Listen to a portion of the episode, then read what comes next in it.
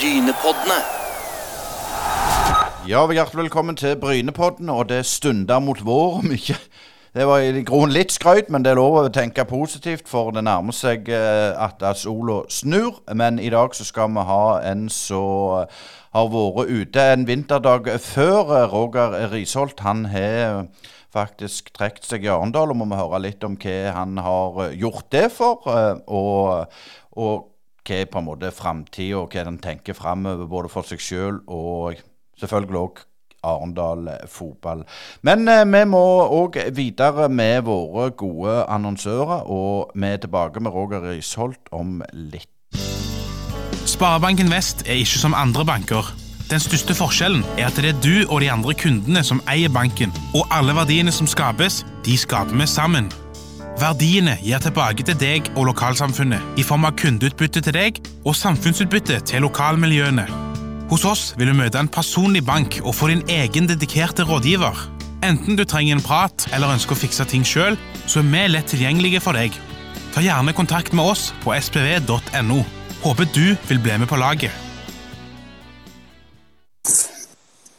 Vi har eh, tatt en eh, telefon til Arendal og Roger Risholt. Og Roger, du er vel, du er vel norgesmester i å, å bytte klubber, men, men, jeg tenkte vi skulle gå over og snakke litt om denne Arendal-perioden. Det ble jo en del år, men, eh, men nå var det slutt. Ja, nå var det slutt. Jeg ga meg jo som fotballspiller i ja, var det 2016, og så gikk jeg rett over igjen en såkalt eh, fotballekspertrolle på TV, og var der i tre år. og Så trente uh, juniorlaget i Arendal og var assistenttrener. og Så ble jeg til slutt eh, hovedtrener der, som jeg har vært nå de siste ja, tre og et halvt år. Det gikk jo sånn sportslig egentlig veldig godt. altså når Det ble en del kvaliker, og, og, og, og, målet var jo selvfølgelig å rykke opp til Obos. Det, det, klarte du ikke. Men når du ser tilbake, hva, var det som, som ikke, ikke, gikk veien? For dere var jo fryktelig nærme en stund der. Ja, vi var det. Eh, det første året jeg tok over som eh, hovedtrener, da skulle klubben se litt på um, veien videre. og Da gikk vi liksom eh, steg tilbake for å ta to steg fram. Vi, vi kutta jo budsjettet 42 eh, på lønn. Eh, og skulle ha med lokale spillere. Det fikk vi inn, og fikk en veldig god førstesesong med en, en andreplass. Og så tapte vi det mot Tødd i kvaliken året etterpå. Det var kanskje den beste sesongen vi har levert. 2,33 i snitt. Det var akkurat det samme som Lyn hadde med Egersund i år. at det de hadde vel kun fire tap og to uavgjorte. Vi hadde vel det samme, eh, men vi røyk med målforskjellen. så det var en veldig bitter sesong. Nei, Forfjord ble det selvfølgelig, eh, så den var veldig bittert. Moss tok den i, siste kamp. da. Vi møtte jo et veldig forsterka Odd-lag i, i, siste kamp. og Moss skulle møte uh, Ulland borte, som hadde klart plassen i siste kamp. Så de klarte jobben. og Det gikk på målforskjellen, og vi vant vel 5-6-1 mot Odd 2, men det holdt ikke så lenge Moss vant. så Det, det var bittert. og I fjor var i grunnen en ganske skuffende sesong. En, en tredjeplass uh, som vi ikke er fornøyd med. Egersund og Lyn var veldig gode. vi var med, men uh, to kamper etter ferien ødela jo resten av høstsesongen for oss. Ja, for det, det, Hvor tøft er det å rykke opp? Altså det som du sier, det, Du har to feilskjær, og det er nok? Ja, var, det skal veldig mye til. Eh, sånn som i år så var det jo Egersund og Lyn og vi som liksom eh, skulle være med der. Eh, så kom jo de andre underdogsene, Kjelsås og Notodden, som hadde veldig gode sesonger. Vi trodde skulle være med inn helt. Begynte jo veldig dårlig borte mot Kjelsås i første kamp. og Så kom vi på vinnersporet og slo Gored, som en opprykkskandidat i kamp nummer to. da, og Fram Lavik og var det Haugesund. og Så, så kom en nøkkelkamp mot Egersund borte, der vi har 2-1 til 94. minutt, og de slår en ball inn i feltet i 16-meteren vår, og så blir det 2-2 på overtid. Så, så, det er sånn litt magien og litt timing på når det skjer. Eh, så vi var med, vi var med hele tida, men eh, to kamper mot eh, to bunnlag som lå i bunnen, med Fløy og Brattvåg tapte vi, som var veldig svakt av oss. og De to lagene, Fløy og Brattvåg var kanskje to av de de kanskje to-tre av de beste lagene som sammen med Lyn og Egersund på sesongene. Så det gikk på en smell der. Ja, Når du nevner Eigersund, der må vi jo ta dit. Vi hadde jo Kjell André Thue mikrofon på han der han var litt tøff mot både deg og Arendal, og hadde liksom ikke så mye til overs for det. Dette er noe du har fått med deg, har jeg forstått? Ja, det har jeg fått med meg. Det syns jeg er det er ikke veldig godt uh, sagt. Jeg syns Kjell André har gjort en fantastisk jobb sånn sportslig i Egersund. Men det han sier i den podkasten, det, det, det, liker jeg ikke. Det er ikke kollegialt. Eh, snakker ned eh, andre klubber. Eh, snakker liksom ned at Lyn spiller enkel fotball og de kommer til å gå på en smell og de er bare flaks. Altså, hvis du snakker om flaks, så har du Egersund ganske flaks mot oss i to nøkkelkamper. som de egentlig skal ha null poeng, så de får to, der vi vil ha seks. det er liksom tilfeldigheter. Jeg likte ikke måten han gikk ut og sa det der på. Det, det er liksom lite ydmyk og ganske arrogant sagt. Men så tenker jeg, eh, er det ikke Har han ikke på en måte lov å si det? For du er jo litt kjent for å slenge litt med leppa sjøl. Ja, absolutt. Du kan, eh, du kan, slenge med leppa, men det, det, er liksom å være litt uh, kollegial og snakke ned andre klubber og sånn måten de spiller fotball på. at de uh, skulle tro at de spilte en avansert fotball som ingen, ingen gjør før. Uh, at alle andre lag er ræva, for å sette på spissen. Da. Men han har gjort en meget god jobb i forhold til spillelogistikken. Og, og, de spiller god fotball, det gjør de. Men å gå ut på den måten da, når han har mikrofon på seg, det, det er lite ydmykt. Det er ganske arrogant og det er ganske umodent. Så det, det må han lære av. Altså, jeg tror ikke han lever lenge i fotballen. så Det var jo en sak nå at han er jo ganske med Jerv, som jeg leser i Agderposten her hjemme, at Lars Bohinen var ikke veldig fornøyd med at de har trukket en treningskamp to uker før seriestart. Det, det så han liksom ikke noe problem. Det er sånt som skjer. Det, sånn skal ikke skje. Det må han lære seg. Skal han bli en uh, topptrener og bli en eliteserie som han drømmer om, og det kan han uh, bli. For han er veldig, veldig god faglig, veldig, kan bli en veldig god trener, men uh, han må lære seg de tingene der. Ja, for du, du, mener på en måte at det kan bli hans bane, hvis det ikke han lærer å, være kollegiale. For, for, selv om dere er bitre konkurrenter trenere imellom, så er det et kollegi, kollegial likevel? Ja, det skal jo være det. og Selvfølgelig må man ha lov til å snakke litt uh, stygt om uh, motstander, at det var flaks og at det, ting kan skje underveis. da, Men det var så veldig ned, nedvergende og ned... Uh, altså det var, det, det, var ikke bra. Det hørtes ikke bra ut. Jeg reagerte veldig på det. Ikke bare at det var Arendal som klubb, men det var, det var flere klubber i den divisjonen der som fikk hørt seg. Ja, ja det, det, er helt sant. Det er sykt å le, men, men, men, men litt tilbake til, til Arendal. Du forlenger jo kontrakten i eh, sånn ca. for et år siden, februar 2023, og, og skal være ut 2024. Og så, så er det etter, etter, sesongen så sier du takk for deg. og Hvorfor, hvorfor, gjorde du sånn? Er det noe du vil dele og si hvorfor, hvorfor det ble sånn? Ja, jeg holder ikke på noen hemmeligheter. Eh, nei, jeg hadde jo en veldig fin periode i Arendal, faktisk. Jeg trives veldig godt med jobben. Eh, som, som sagt, som jeg sa tidligere, så hadde jeg juniorlaget, og det, det, var veldig inspirerende. Eh, første året så sto det på scratch. Jeg skulle ha inn et nytt lag og fikk lov til å bygge for meg sjøl. Vant jo faktisk litt snikskryt av det, men vi vant jo faktisk kretsmesterskapet der. og Så gikk jeg over til en assistentrolle under Steinar Pedersen og fikk lært litt der òg. Tatt de kursene underveis der, og så skjedde litt underveis der som jeg har merka sikkert som eh, de andre trenerne som har fått sparken i Arendal. at Eh, det henger ikke helt sammen, det sportslige utvalget og styret og retninga hvordan man eh, prater til folk, eh, hvordan man prater om, om folk. Man prater ikke med folk. Det er noen planer der som og noen innblandinger som jeg ikke likte. Og veldig lite støttende. Det kan jo liksom ta en sammenligning med med Start, eh, selv om Arendal er mye mindre. så Når det er kaos i en klubb, som jeg følte var i Arendal, så, så, så, trakk jeg meg. Eh, jeg syns det var riktig, riktig, gjort. og Selvfølgelig kan jo jeg jo bli kalt en eh, en, en, idiot for å bare trekke meg og ikke få noe sluttpakke. Men det er noe med intelligensen her. da, at ja, de andre trenerne de fikk en sluttpakke og lever godt med det, men jeg bestemte meg at eh, så fort sesongen er ferdig, eh, da trekker jeg meg. Så han nye treneren kan komme inn og bygge sitt eget lag og, og få god tid på seg. Så det, det fungerte grunnen ganske bra for Arendal, jeg tror jeg. Jeg har fått inn en ny trener nå.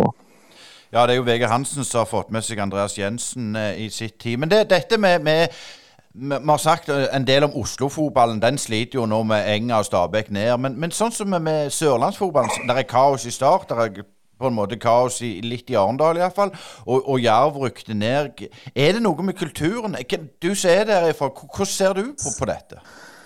Ja, det er jo det. Vi, det, er jo, det, er jo, det det. er ikke noe å legge skjul på det. Eh, start er jo eh, Jeg har jo vokst opp med Start, og Start er jo en storklubb og bør være en storklubb. Og så har det skjedd ting eh, internt da, virker det som. Vi får, vi får jo med oss alt, tydeligvis.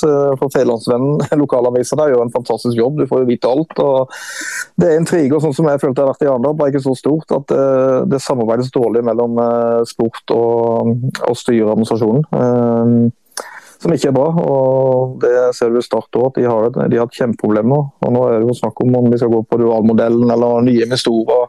Om det er riktig vei. altså Er det medlemsstyrt? Skal det være nå? Det, det ville kaos. Jerv har jo rykka ned to år på rad, men eh, jeg føler i Jerv så har de mer langsiktig perspektiv på det. Om de spiller i Eliteserien Obos eller Post Nord-ligaen, så har de en plan på ting. Eh, det føler jeg ikke Arendal eller Start har.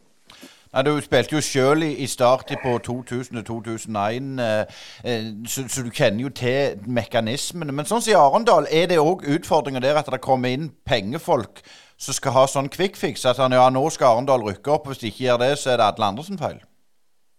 Ja, det er jo det det har vært. Det er jo det det har vært i Arendal i ti år. Det er jo kjent på sjøl òg. Det, det, er en målsetning, og det er opprykk. og Klarer du ikke opprykket, så så er det eh, på en måte gjort en for dårlig jobb. Jeg setter det på spissen, men det er sånn det har vært. Det har vært eh, Knut Hørum, eh, Mathias Andersen, Steinar Pedersen og Roger Risholt. Det, liksom, ja, det, det, har vært noen gode trenere der, som ikke har fått det helt til. Selv om jeg følte jeg var ganske nærme det. Men det, det, er liksom ikke godt nok hvis du ikke klarer opprykket. Da. Da, du må se litt lenger på det. det. det. kan ta litt tid, de greiene her. og Det er jo det som skjer i Arendal nå. Vegard Hansen det er inn. Fint navn. vært vært i gamet lenge. Men eh, klubben var veldig opptatt av at det skulle være eh, klubbstyrt, ikke trenerstyrt. Eh, og Det er på en måte riktig. Så De lagde en sportsplan som skulle følges og var veldig viktig. og Det var innforstått med det. Men jeg følte ikke at den sportsplanen var, var ja, muligheten var til stede for det til, men da måtte vi gå på kompromiss med at det kanskje ikke ble noe opprykk om på ett eller to år. At man kunne bygge litt på lengre sikt. da. Men så har du presset på at du skal være med i toppen, du skal rykke opp til, til Obos-ligaen. Uh, så går det vel et kvarter etter jeg sa opp, så, så legger Vegard Hansen både sportssjef og, um, og hovedtrener. Og da den sportsplanen, jeg tror ikke den, eh, den kan de bare kaste, kaste, over bord. Jeg tror ikke den kommer til å bli fulgt. Men det er greit, de kan lykkes. Jeg håper jo andre lykkes. Ja. De kan eh, klare Obos, men på sikt så, eh, så ligner det mer på et luftslott. Men, men det, og dette med spillere. Det er jo veldig mange som hadde utgående kontrakt. og Hvis jeg forstår, så er det ikke så mange som fornyer heller. Så hvor lang tid tror du holdt på å si, han får? Ja, han har skrevet to år, og i sportsplanen eh, skal han rykke opp i løpet av de to åra. Kanskje han klarer det i år, kanskje han eh, klarer det neste år. Hvis ikke han klarer det, hvor er klubben ennå? Da er de akkurat på samme sted som de var for ti år siden. Eh, hvis ikke de klarer å følge sportsplanen med å få inn lokale spillere, så er kanskje ikke de lokale spillerne gode nok per dags dato, men du må begynne en plass, og det kommer til å ta tid. Så vi får bare se jeg håper jo at jeg, får, jeg er jo fra Sørlandet. Jeg har jo spilt i Jerv, har spilt i Start, jeg var trener i Arendal. Jeg vil jo at uh, alle klubbene skal gjøre det bra. At Start skal liksom uh, være flaggskipet. og jeg håper de klarer det. Hvis ikke så kommer kanskje Jerv, eller kanskje til og med Arendal klarer det. Da. Men på lang sikt så må det jo skje noe mer. Uh, internt i klubben og ut mot breddeklubben, som jeg har savna veldig. da, At det må vise oss. Uh, et eksempel da jeg var ung, så var jo jeg, jeg 13-14 år gammel. Erik Mykland kom og trente oss en gang i var det ABK eller Øystein. Eh, det, det er helt stoppa. Du ser nesten ikke startspillere eh, østover. Det, går, det, blir, det blir liksom i Kristiansand. og Det er det jeg føler at eh, som jeg syns vi var flinke på i Arendal, at vi må vise oss rundt i breddeklubbene. Mm. Da får du 1000 på tribunene, får du ikke 200. Da kommer, kommer masse barn og unger med besteforeldre og tanter. og Eh, svigerinner og elskerinne og gud og hvermann. Eh, så det er det som må på plass. Eh, for Det er lett å si at du skal bare rykke opp og hente noen spillere. Og Vi kan være heldige et år eller to og få det til, men man skriker etter en lokal forankring, og da må man begynne en plass. Og Den har for så vidt Arendal begynt med, men de må følges. Men dette med Arendal, det, sånn som Egersund vi snakket om det, der er det jo sånn at skal de rekruttere spillere òg nå i Post Nord eller nå Obos, så må de betale mer for den gudsforlatte plass. Um, de må jo bo der, for de kan ikke pendle til Sandnes eller Stavanger, for det blir for langt. Hvordan, hvordan var det i Arendal å få tak i spillere? Bodde de der, eller måtte du um, hente litt, litt ute fra periferien? Nei, jeg måtte jo hente litt utenfra Parini. Vi henta det vi kunne lokalt. Mathias Johansen er kanskje det beste eksempelet. Som kom på fjerdedivisjon i Hisøya, som hadde noen veldig gode sesonger i, i Arendal. og Nå spiller han for Lyn i Obos-ligaen. Så Vi har et par andre som har gått på høyere nivå. To Salte var hos oss. Selv om vi ikke lykkes med laget, så fikk vi i hvert fall til noen enkeltspillere som eh, kommer seg videre på et høyere nivå. Og Det er jo det vi må prøve på, for det jeg har prøvd på når jeg var trener i Arendal. At jeg har hentet spillere utenfra eh, som er ganske unge, som, som, kan ta neste steget. Og Hvis de ikke tar steget med oss, så må de kunne eh, ta steget til en annen klubb gjennom prestasjonen de gjør i Arendal fotball. Eh, og Det har vi fått til eh, ganske bra, men eh, som lag og klubb så klarte vi ikke det opprykket. men og så er det dyrere, selvfølgelig. Eh, nå er jeg uenig med at du sier at Arendal er et guttforlatt plass. Det er en fantastisk by, eh, Øystein. du har pollen, du har, eh, du skjærgård, du har gode fasiliteter. Du, du har veldig mye i Arendal som er veldig bra, og som kan bli bra. Og så er det veien videre og retninga som, som, klubben har på en måte satt, som kanskje ikke har vært god nok, som, som er en del å gå på. da. Men tenk litt sånn avslutningsvis når det gjelder Arendal. Det er klart De har jo ikke noe sånn veldig stor yngresavdeling. Hadde du sett det som trener at, at, de hadde fått det, eller vil du ha den modellen som på en måte er nå? Ja, Det er jo den jeg var snakk om i mange år. da, at du skal, altså A-laget det er Arendal Fotball som er, som er det største klubben og som skal være det beste laget. og Så har du mange sånn, fjerdehusklubber og femtehusklubber. Så har du ungdomsavdeling som eh, ved Grane som er den største, og Trøyman med flere som at de skal gjøre jobben. Da. Men da har jo eh, man skylder litt på hverandre. da, at Arendal har ikke vært flinke nok til å utvikle ungdomsavdelinga, men vi har kun ansvar for A-laget. Eh, så det er jo da eh, man snakker gjerne om spillelogistikken. Jeg savner jo for at det skal bli bra over sikt at trenerlogistikken her nede på ungdomsfotballen eh, blir bedre. Eh, det er mye pappatrenere som gjør en fantastisk jobb, men å ha litt mer eh, kursing på de, om det er grasrot og C-kurs og de har videre kommet til B-kurs, så, så, blir det bra. Men det tar tid. og Det kommer sikkert til å ta fem-ti år. Men du må begynne en plass. Du må begynne nå, for du har ikke begynt ennå. Du har begynt som smått. Noen klubber gjør det veldig bra og har begynt med det, men det savner jo veldig. Ja, Jeg kan jo ta en parallell til Cato Hansen, som fortalte Han har jo vært i Bryne og spilt, men han fortalte han kom tilbake til Bodø-Glimt, så jeg tror det er ti år siden han reiste rundt og besøkte alle breddeklubbene, for de hadde vært litt cocky overfor dem. Og, og det tar jo fort ti år, en sånn en prosess. Ja, det gjør det. Og Ålesund, som er, kan sammenlignes med Arendal, som er samme, cirka samme størrelse på by og ganske fin plass å bo. og Hadde samme eh, problemer der med sammenslåinga.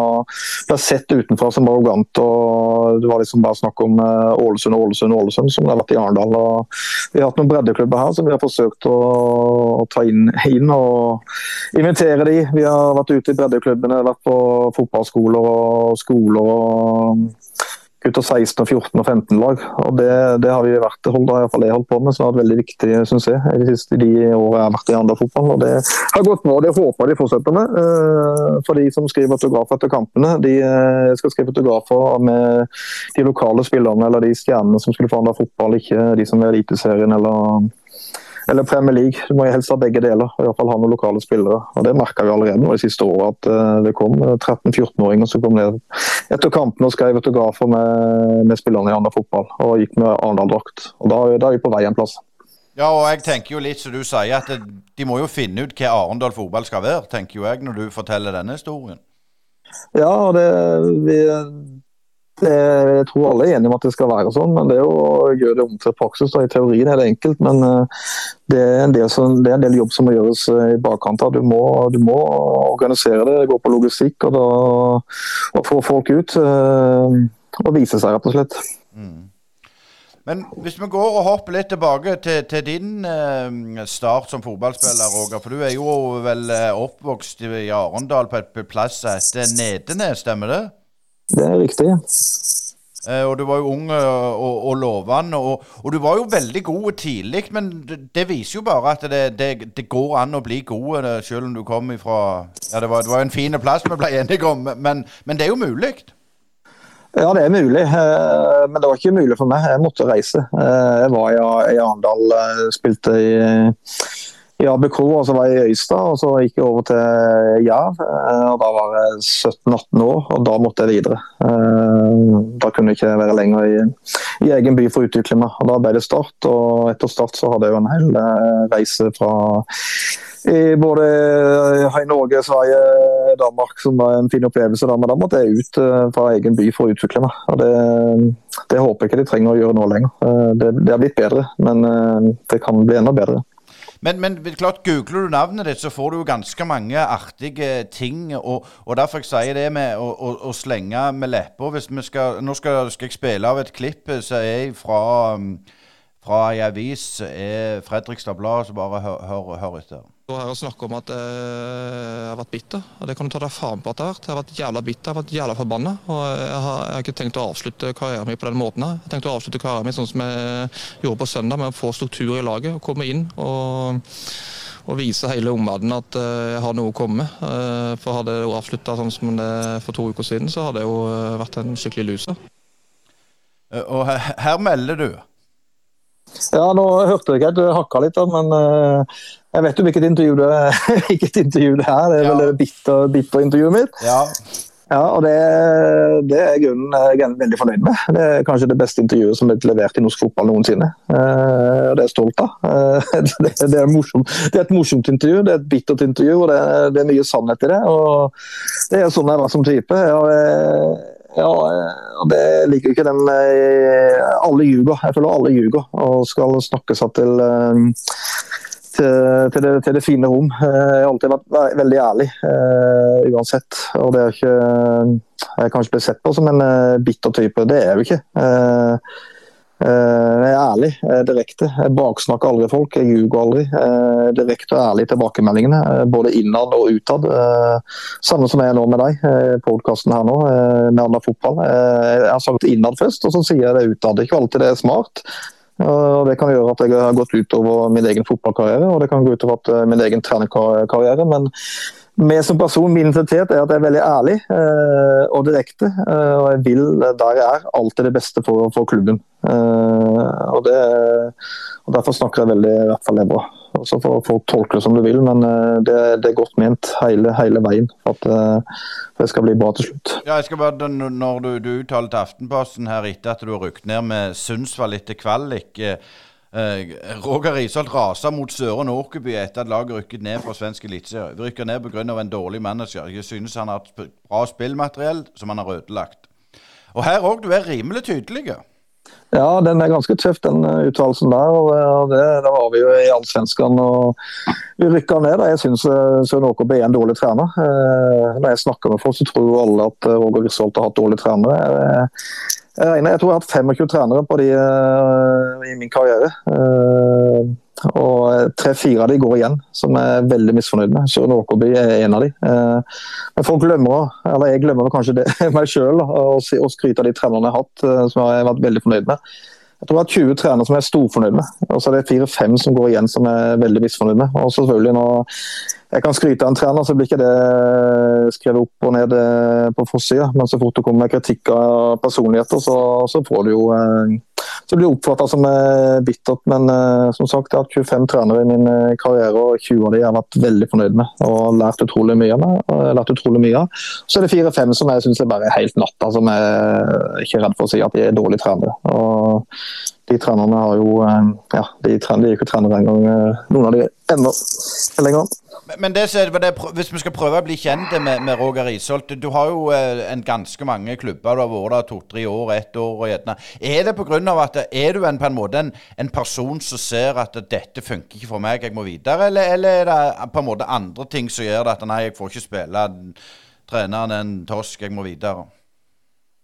Nei, det, ja, det er litt begge deler. Eh, når du er fotballspiller, så er du ute på eventyr og du vil utvikle deg. Ikke bare som spiller, men som person òg. Eh, når du får muligheten til å spille i, i Norge og alt fra Troms i nord til eh, Start i sør og vest og øst, og du får vært og komme til det var i Danmark, i AGF Århus, og få oppleve det. Jeg har skrevet tre år. Eh, Eh, det var der kun ett år, vi rykka ned. Eh, det var fullstendig kaos. Det var Søren Åkerby som var trener da òg, faktisk. Jeg hadde jo han i Sverige, intervjuet eh, på Allsvenskan. Det var det vi tok i stad. Jeg hadde han i AGF òg. Han fikk sparken, og så kom en ny trener og fikk sparken, og rykka vi ned. og Da var jeg min Det var min beste sesong var vel i 2004, da jeg fikk noen eh, landskamper og hadde en veldig god sesong som gjorde at eh, jeg kom til Danmark. og Fikk en skade, og etter det så kom jeg aldri opp på nivået igjen. Det tok et par år før jeg kom på det nivået der. Men da var det nedrykk og tre trenere i AGF på ett år. Eh, bytta til Hekken. Det samme skjedde da. Tre trenere på ett år.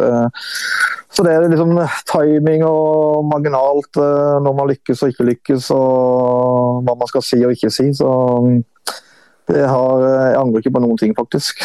Selvfølgelig angrer jeg på Man kunne vært mer profesjonell, man kunne en, fått en B-karriere, men det kunne vært mye, med, vært mye dårligere. Men opplevelsen av det jeg har vært igjennom, har vært uh, helt enestående. Vært igjennom. Det har vært uh, lærerikt. og Vokst som person, og alle de trenerne jeg har har jeg jo lært veldig mye. Både på, på faget, men også hvordan de behandler spillere.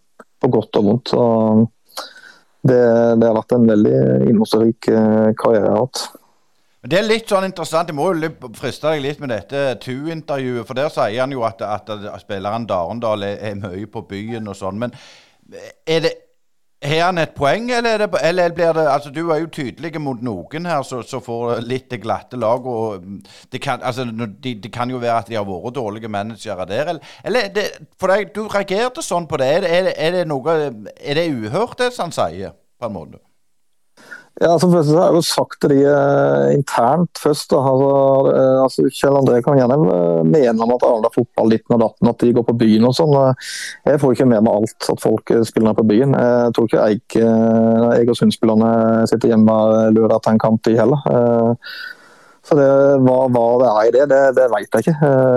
Vi hadde, vi hadde jeg har en identitet som trener, eh, og som jeg vil ha det på feltet og i garderoben. Og når vi vinner kamper, når vi er på et nivå som vi har vært med andre fotball, så, så får de kanskje én eller to eller tre frikvelder der vi har vunnet en kamp, og det er lenge til neste kamp. Eh, men taper vi, så er det ikke lov til å gå på byen. Eller hvis vi ikke har vunnet, så er det ikke lov til å gå på byen. Og vi har vunnet mange kamper, så mm så var det kanskje litt mye på byen, uten at jeg vet 100 sikkert det. Men uh, det har ikke vært noe problem. Var, det var ikke på mindre på byen i 2022 enn det var i 2023. Så eh, det kommer litt an på hvordan gruppa er. Uh, noen ganger må det lufte seg litt, men det finnes jo selvfølgelig en grense på hvor langt det skal gå. Så um, Det å skylde på at uh, andre fotballspillerne er på byen og ikke Egersund-spillerne, om det er like mye, det, det, kan du ikke måle. Det er ikke målmakt, for da må du ha videoovervåkning. og Da, da blir jo nivået så lavt å snakke om at uh, det er ikke vits engang. så Jeg vil ikke gå inn på det temaet den gangen. Jeg har sagt det, jeg mente at det er helt unødvendig å,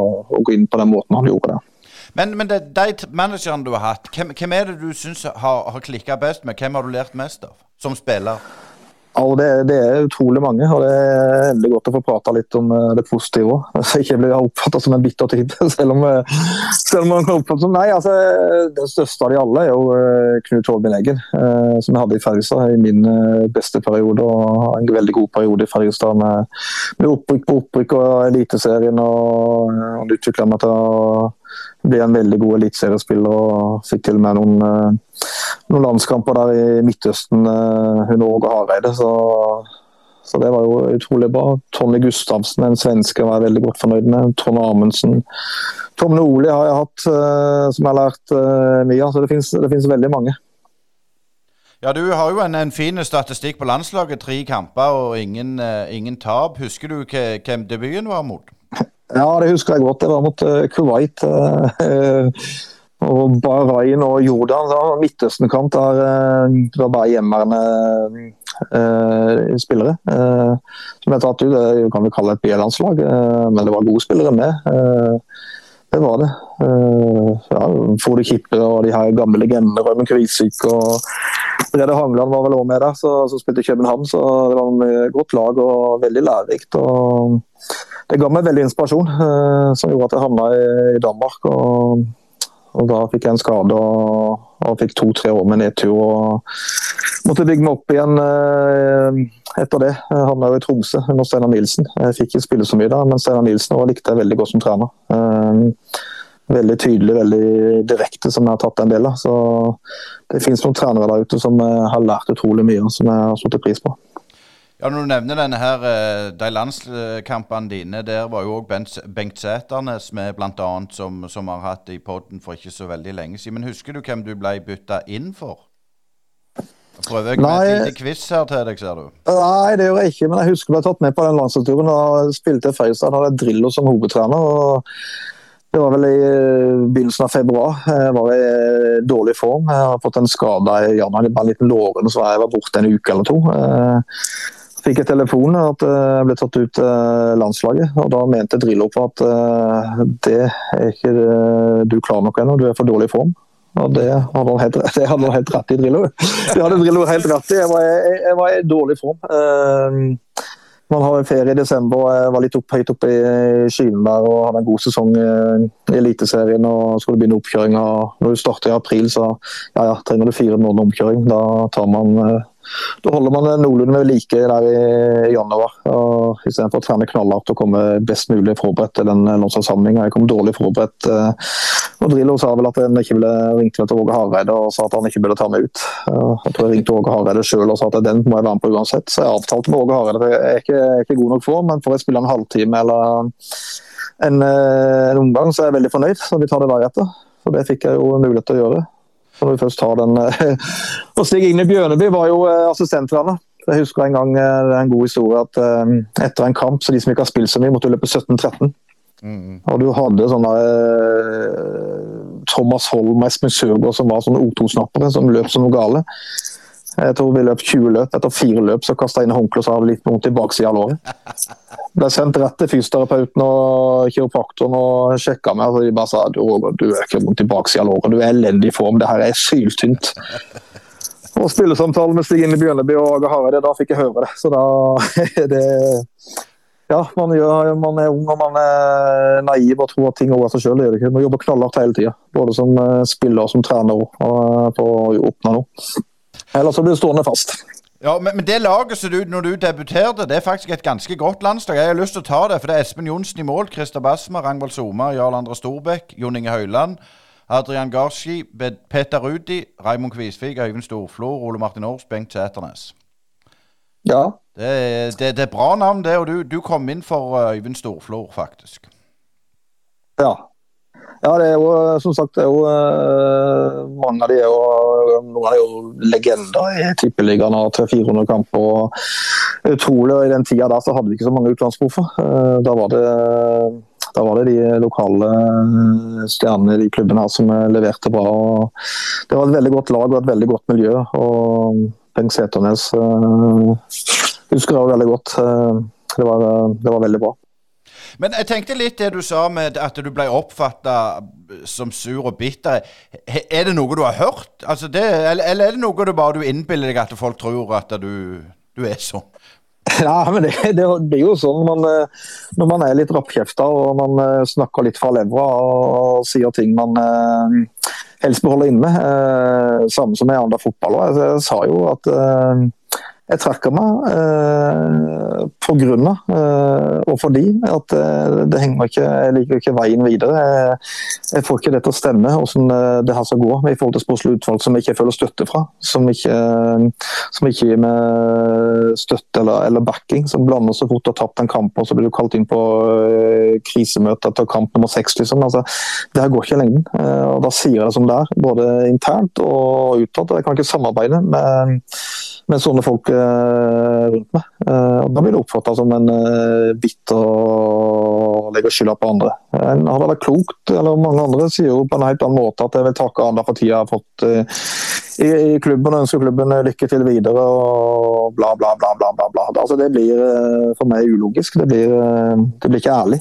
Det blir det, man gjør klubben en bjørnetjeneste også med å, å si det på en, den, en annen måte enn det jeg gjorde. Så selvfølgelig eh, Det jeg håper folk ser da, når jeg først går ut på den måten, er at det er en ærlig, direkte fyr som vil, vil det beste. Eh, og blir oppfatta som den personen der. Eh, og Så kan man alltid være i etterkant og sette i bakspeilet at eh, man har sagt ting på en annen måte, men eh, ja, det er noe man gjerne ønsker å få fram òg. Så at ting har ikke vært bra, og det kommer ikke til å bli bra heller. Så får vi se hvordan det går. Men, uh, Man skal bygge et klubb, man skal bygge et eh, lag, man skal bygge støtteapparat. Man skal bygge uh, samarbeid med breddeklubben eller ungdomsavdelingen. Det er mye en trener skal gjøre, og da må du føle støtte og backing. Og Når du ikke følger det, så, så sier det heller som det er. At uh, jeg følte ikke den støtte eller backinga. og da, Den håper jeg Vegard Hansen får, etter jeg har sagt det. Så får vi håpe at Vegard Hansen får støtte og backing fra, fra de rundt seg. Men er, er, er, du på en måte ferdig som manager og trener, eller, eller har du lyst til å fortsette karrieren? Nei, jeg, jeg, har holdt på i fotball eh, hele mitt liv. og Som spiller og som uh, vært innom et annet miljø altså innen fotball, som var fotballekspert og kommentert kamper og vurdert uh, lag og spiller og hele den pakka der. Og fått seks-sju år som trener nå. og det, det, det, er der jeg føler jeg hører hjemme, i fotballen. Uh, å utvikle unge spillere er jo den jeg er veldig opptatt av. Uh, det som går på ja, selvfølgelig ferdigheter, hvordan man er på feltet, hvordan man er utenfor feltet. Hvordan, hvordan, skal man klare å komme seg ut fra Norge, eh, kanskje til og med enda lenger enn det jeg kom. Eh, som jeg føler jeg har litt å bidra med. Og så har jeg vært gjennom alle de her eh, A-kurs og B-kurs og A-lisensen tok jeg nå i, fjor, som var lære, veldig lærerikt. Så jeg har liksom gått skolen nå. Jeg er ikke bare en gammel fotballspiller som uh, har vært god. Nå har jeg også tatt uh, kurs og fått erfaring. Så jeg, jeg har noe før jeg kan uh, tilby deg ute til et fotballag eller et unge spillere. Hovedtrener i år skal ikke være. en assistentjobb, en talentutvikler, talentspeider. Noe sånt. Det er det som er faget mitt, det er det jeg kan. Men jeg tenker, nå er du blitt småbarnsfar, og, og, dette med å flytte Vi ser jo at det er sosiale medier. Det er på en måte mobbing av både familiemedlemmer og kjærester og ene med det andre. Det er jo blitt et ganske tøft sånn sett et miljø. Men er det, no, er det noe du er bevisst på, eller har du lyst til å på en måte jobbe i, i nærmiljøet og bo, bo hjemme? Ja, det er jo utgangspunktet. Man ønsker jo altså det Fotball er pri én. Kan man jobbe i, i, egen by, i egen klubb, som jeg gjorde i seks-sju år, så er jo det det beste. Men å gå på verdien og utviklinga mi, og at du, at du føler du drar i samme tau og samme retning, det følte jeg ikke jeg gjorde. og Da må jeg jo se på andre muligheter. Eh, hvor er de igjen? Eh, når du bor i Arendal, altså det er Jerv, det er Start, det er kanskje noen breddeklubber. Eh, kanskje gutter 14-16 lag. Eh, men skal du leve av det, så må du kanskje flytte på deg. og Det er jo den vurderinga du må, må, ta det, om jeg vil flytte på meg. Eh, det er fullt mulig at jeg gjør det, så lenge det er riktig, riktig klubb og at det er miljø. At du utvikler deg videre. Jeg er ikke mer enn 44 år, så jeg vil jo fremdeles utvikle meg. Jeg kan sikkert være trener til 60-70, men eh, du må gå den harde, tøffe eh, veien. Og jo flere miljøer du er i, jo mer lærer du. Så det er ikke ofte du er lenger, lenger i, en, i en klubb som trener en eh, to-tre år, så da må man kanskje videre. Men, men, jeg tenker litt sånn, jeg hører deg snakke her, du, det, det, det, liksom Dette Arendal virker som du er ganske ferdig med? Mentalt, altså? Ja, ja Arendal er, Arendal er ferdig med. Det, det håpet jeg ikke skulle bli sånn, men det, det ble sånn. og ja, jeg eh, kan kalle, kalle meg, meg bitter, men selvfølgelig det kan jeg si. Da er man bitter når man, eh, når man går etter sesongen og sier at uh, man skal følge en uh, sportsplan og det ikke skal være uh, trenerstyrt. Så går det et kvarter, og så det, kommer det inn en trener som skal både være trener og sportssjef. Da, og få et helt annet budsjett enn det jeg har fått. i forhold til, ja, Jeg henter Andreas Jensen som assistent fra start. jeg hadde Vebjørn Udal. neste år skulle det være en, en på 5 den blir plutselig 100% Jeg vet ikke lønning på det greiene der, men eh, han har nok et større budsjett enn det jeg har på støtteapparat, og kanskje til og med spiller etter hvert år. Det vet jeg ikke. Eh, så det er jo selvfølgelig, Sånn er det jo av og til. Nå henter de eh, Vegard Hansen, som er et fint navn. og Så kommer det kanskje inn noen med penger. Jeg håper at de kommer inn med penger, da, så at de får satsa litt. Men sats på de riktige tingene. Ikke bare klar opprykket, men du må utvikle noe mer innad i, klubben, eh, og ikke minst uh, ute i, byen. Så, men administrasjonen hadde jeg veldig, veldig godt samarbeid med. Uh, og mye flinke folk. En daglig leder og en en som heter Josef, som gjør en fantastisk jobb. Han er materialforvalter. En kiropraktor som, som, fungerte veldig bra. Så støtteapparat, sport, organisasjonen. Eh, de som var på huset var bra, men når jeg valgte et sportslig utvalg og et styre som jeg følte var eh, både styre og sportslig utvalg som ikke var støttende, og sånn, så, så, så tok jeg hatten og gikk. Men, men, Roger, det er jo ingen verdens tvil om at du er en vinnerskalle. Men du har jo en bror som har bl.a. spilt i, i Bryne Kairi. Og hvordan på en måte har det forholdet vært? Har det vært sånn at dere har pusha hverandre, eller har, har en sagt nå skal jeg, bli, altså, skal jeg bli bedre enn deg hele veien? Fortell litt om den dynamikken. Tror du, Hadde du blitt like god uten han? Eh, nei, det hadde jeg kanskje ikke. Det går, Kai og Roger Risholt, det, det, da er det mange som ler. Eh, Kai, eh, Kai er jo en Han er morsom. Han, han, han var veldig god, Kai òg, til han var 17-18 år. Han var, enda, han, var nok, han var, ikke nok, seriøs. Han var litt uh, for glad i det gode liv. Og var jo i Obos-ligaen i mange år og skårte mål i Bryne og Tønsberg og både her og der. og Fikk en fin karriere, men han fikk en opplevelseskarriere. Han var jo var en proff i Bulgaria og proff i Malta. Han hoppa på ting som ikke jeg torde. Uh, han var veldig uredd. Når vi vokste opp så var han en helt annen type enn meg. Han var den som uh, gikk, litt, gikk, litt, tøffere til verks. Han tok litt mer Gikk med foran med, med brystkassa og dytta borti han. og Var det straffe, så skulle han ta straffe. Han var litt mer frampå i skoa. Eh, og nå eh, driver han padel, paddelsenter padelsenter her i Arendal og har lagt fotballen helt vekk. og Det er det som er så dumt. Ikke bare med at det er min egen bror, men det finnes flere folk på Sørlandet og spesielt i Arendal som burde bidratt i Arendal, men det gjør det ikke. Pga. de tingene jeg har vært innom med, med klubben som ikke klarer å se de rundt seg godt nok. Det var Roger Risholt og Kai Risholt og Morten Knutsen. Og ingen av oss bidrar med videre i Arendal-fotballen. Eh, Morten Knutsen trener Øystad i, i femtedivisjon, så det finnes flere navn der ute som, eh, som burde framsnakke Arendal. og Det føler jeg ikke de, de, gjør. De er ikke på kampene lenger. Så da er det ikke, Jeg kan ikke skylde på de som ikke er på kampene. Det er klubbens ansvar at vi er attraktive nok. At det er attraktiv fotball, at det er attraktive med lokale spillere. At du har en retning og at du har godt samarbeid med de klubbene rundt deg.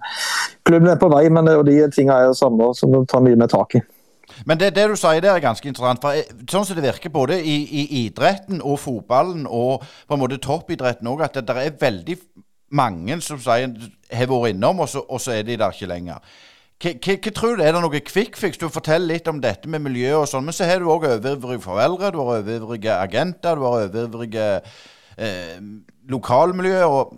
Det er mye, mye greie, på en måte. Ja, det er mye greier. Det å være trener det, ikke, det har utvikla seg enormt. Jeg var å være trener for 10-15 år siden tror jeg var, det var tøft, det òg. Men det var ikke så mye sosiale medier. altså TV med publikum, det var mye mer press på deg. Eh, du må levere. Eliteserien nå, altså, det er jo fem-seks lag som skal vinne Eliteserien. Nå er det jo Bodø-Glimt og Molde som skal Brann være med. Rosenborg skal prøve å finne sin vei. Viking skal være med der. Og Det er ikke alle som klarer å vinne gull eller sølv eller bronse. Så blir det dårlige resultater som ikke klubben er fornøyd med. og Så, så får du kanskje sparken, og så sliter du kanskje med å få deg en ny jobb. Eller du er kanskje mentalt sliten og må kanskje finne en annen, annen vei. Ja, det, det er ikke alle som, eh, det er ikke for alle å være, å være treneryrke. Jeg vet at det, det, er for meg. Jeg har vært borti eh, mange tøffe ting, både internt og alle de her avisgreiene og uttalelsene mine som gjør at jeg, jeg, står ganske greit eh, i det. Men du må ha, ta et standpunkt på hvor du vil en som uh, trener, og hvilke verdier du har, og hva neste klubb er for, for deg. Og det og Derfor er det viktig å finne en klubb som, som passer den personen du er, ikke omvendt. Men, men du, du, står jo opp for dine verdier her når du forteller. Men har du fått noen på trynet òg, eller sånn ubehagelighet at de har blitt hetsa på sosiale medier eller ute, eller, eller har det gått greit? Ja, ja, det får jeg jo hele tida.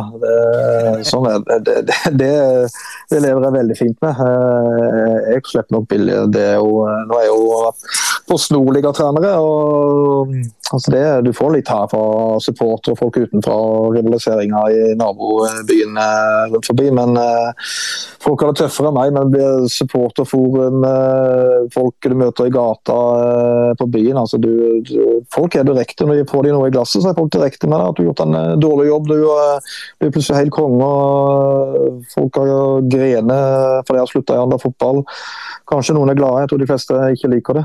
Eh, for Den kom sikkert veldig overraskende på det, men det går på verdiene. og, Da må du tørre å stå for verdiene dine, og ikke bare gå på kompromiss at du har en jobb eh, og du kan leve av det. Eh, og Som spiller var du enda verre. Men det må du tørre å stå i, altså kommer du ingen deg.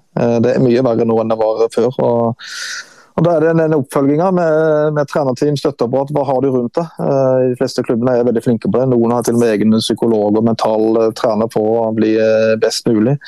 Og jeg er 44 år gammel, jeg har gått en annen vei enn kanskje den nye generasjon trenere som kommer opp nå, som er veldig spennende. De har 35-40-åringene 30-40-åringene som har liksom, eh, gått idrettshøyskolen og har mastergrad i, i, psykologi og gud vet ikke hva de har for noe, som har en helt annen inngang. Som, eh, som er veldig veldig bra for unge spillere. Så det, er det som er fint med norsk fotball. At eh, du har utfordret som trener og du har eh, fotball eh, eh cupfinaleseminar og du treffer mange andre kategorier enn deg sjøl som har tatt en annen vei. Så er det veldig bra for norsk fotball. og Det er veldig lærerikt. at uh, Den gamle generasjonen uh, som er til og med ti år eldre enn meg, den uh, har mye å lære den nye generasjonen. Og den nye generasjonen må kanskje ha litt å lære oss òg. At det finnes, alt trenger ikke være så avansert, men det er blitt mer avansert. Ja, Men, men det, vi, må, vi, må, avslutte med noe positivt her, Roger. Så ikke ja, det var fint. Ja, det var fint. Så, så ikke du blir oppfatta så, så, gammel og grinebiter. For du har spilt på mange fantastiske lag. Eh, da må jeg ha to ting. Først, hvem er på en måte den beste spilleren du har vært i lag med på banen? Oh, den, eh, det, ja, jeg har vært så heldig å ha vært i forskjellige land, men uh, ja Ta en uh, ta Celso Borges, da. Litt, uh, som spilte sammen med. Som spiller på landslaget til Costa Rica. En fantastisk spiller. Eh, eller så er det jo ja, Tore Pedersen, Teddy Lucci, som var eh, konge i, i Sverige. Et par dansker som var meget bra. Så hvem er det mange av?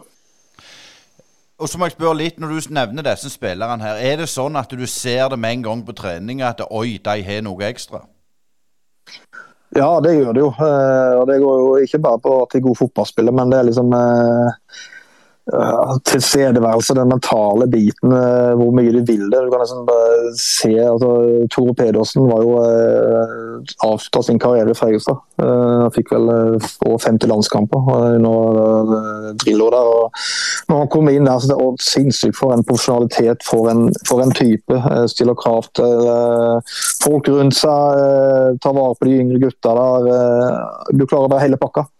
Uh, og Det har vært inspirasjon for meg òg, det jeg har prøvd å være. Jeg har stort sett vært kaptein, kaptein i de klubbene jeg har vært i. Fordi jeg har lært en del av de. Altså har man eh, gått med noen smeller her og der, men det å ikke bare se seg sjøl, men å se de rundt deg.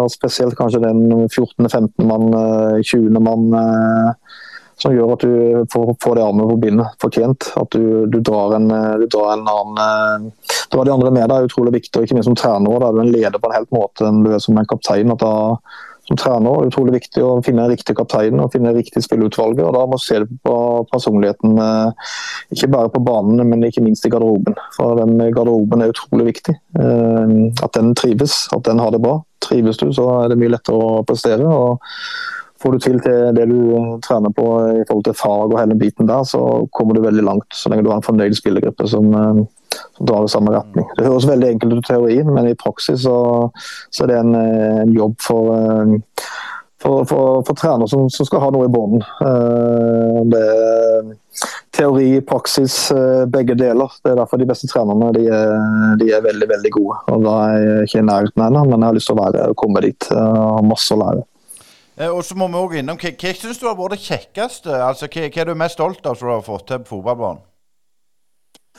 Uh, nei, det er jo mest at jeg har rykka opp så inn i helvete mange ganger. Og så har jeg rykka ned mange ganger. Eh, det har vært så mye oppturer og nedturer. Jeg tror jeg har, eh, ja, jeg har, jeg tror jeg har åtte opprykk til høyeste divisjon i Norge, Danmark og Sverige.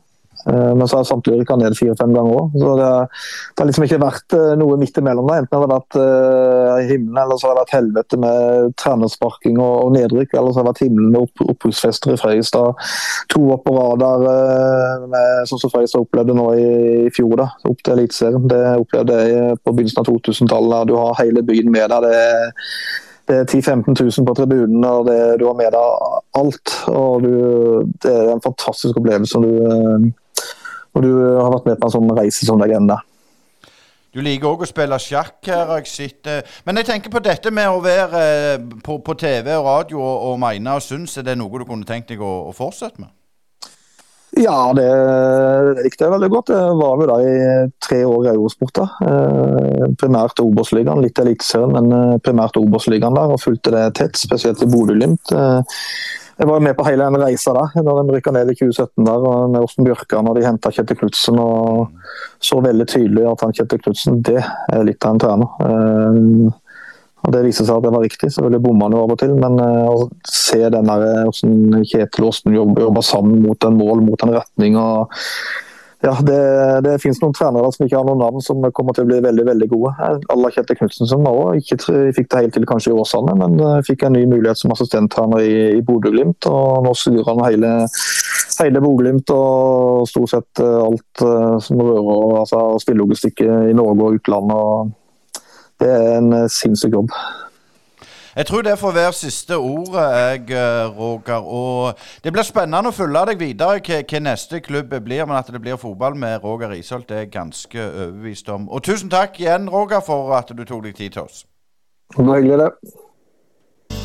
Sparebanken Vest er ikke som andre banker. Den største forskjellen er at det er du og de andre kundene som eier banken. Og alle verdiene som skapes, de skaper vi sammen. Verdiene gir tilbake til deg og lokalsamfunnet i form av kundeutbytte til deg og samfunnsutbytte til lokalmiljøene. Hos oss vil du møte en personlig bank og få din egen dedikerte rådgiver. Enten du trenger en prat eller ønsker å fikse ting sjøl, så er vi lett tilgjengelige for deg. Ta gjerne kontakt med oss på spv.no. Håper du vil bli med på laget. Da går uh, Brynepodden inn i uh tog igjen og er på perrongen neste torsdag. Men husk at du kan følge oss i våre sosiale medier, og vi har vårt Vipps-nummer. Det vet du, det er 6108 28 6108 28. Og Roger Risholt han var veldig tydelig på det, at jeg måtte poengtere at når han har vært og bjeffa både her og der, så tok han det alltid internt i klubben først. Og Roger Risholt han tror jeg er heile ved, og tusen takk for han tok seg tid å snakke med oss i Brynepoddene. Neste torsdag så er vi på plass igjen. Vi hørs. Brynepoddene.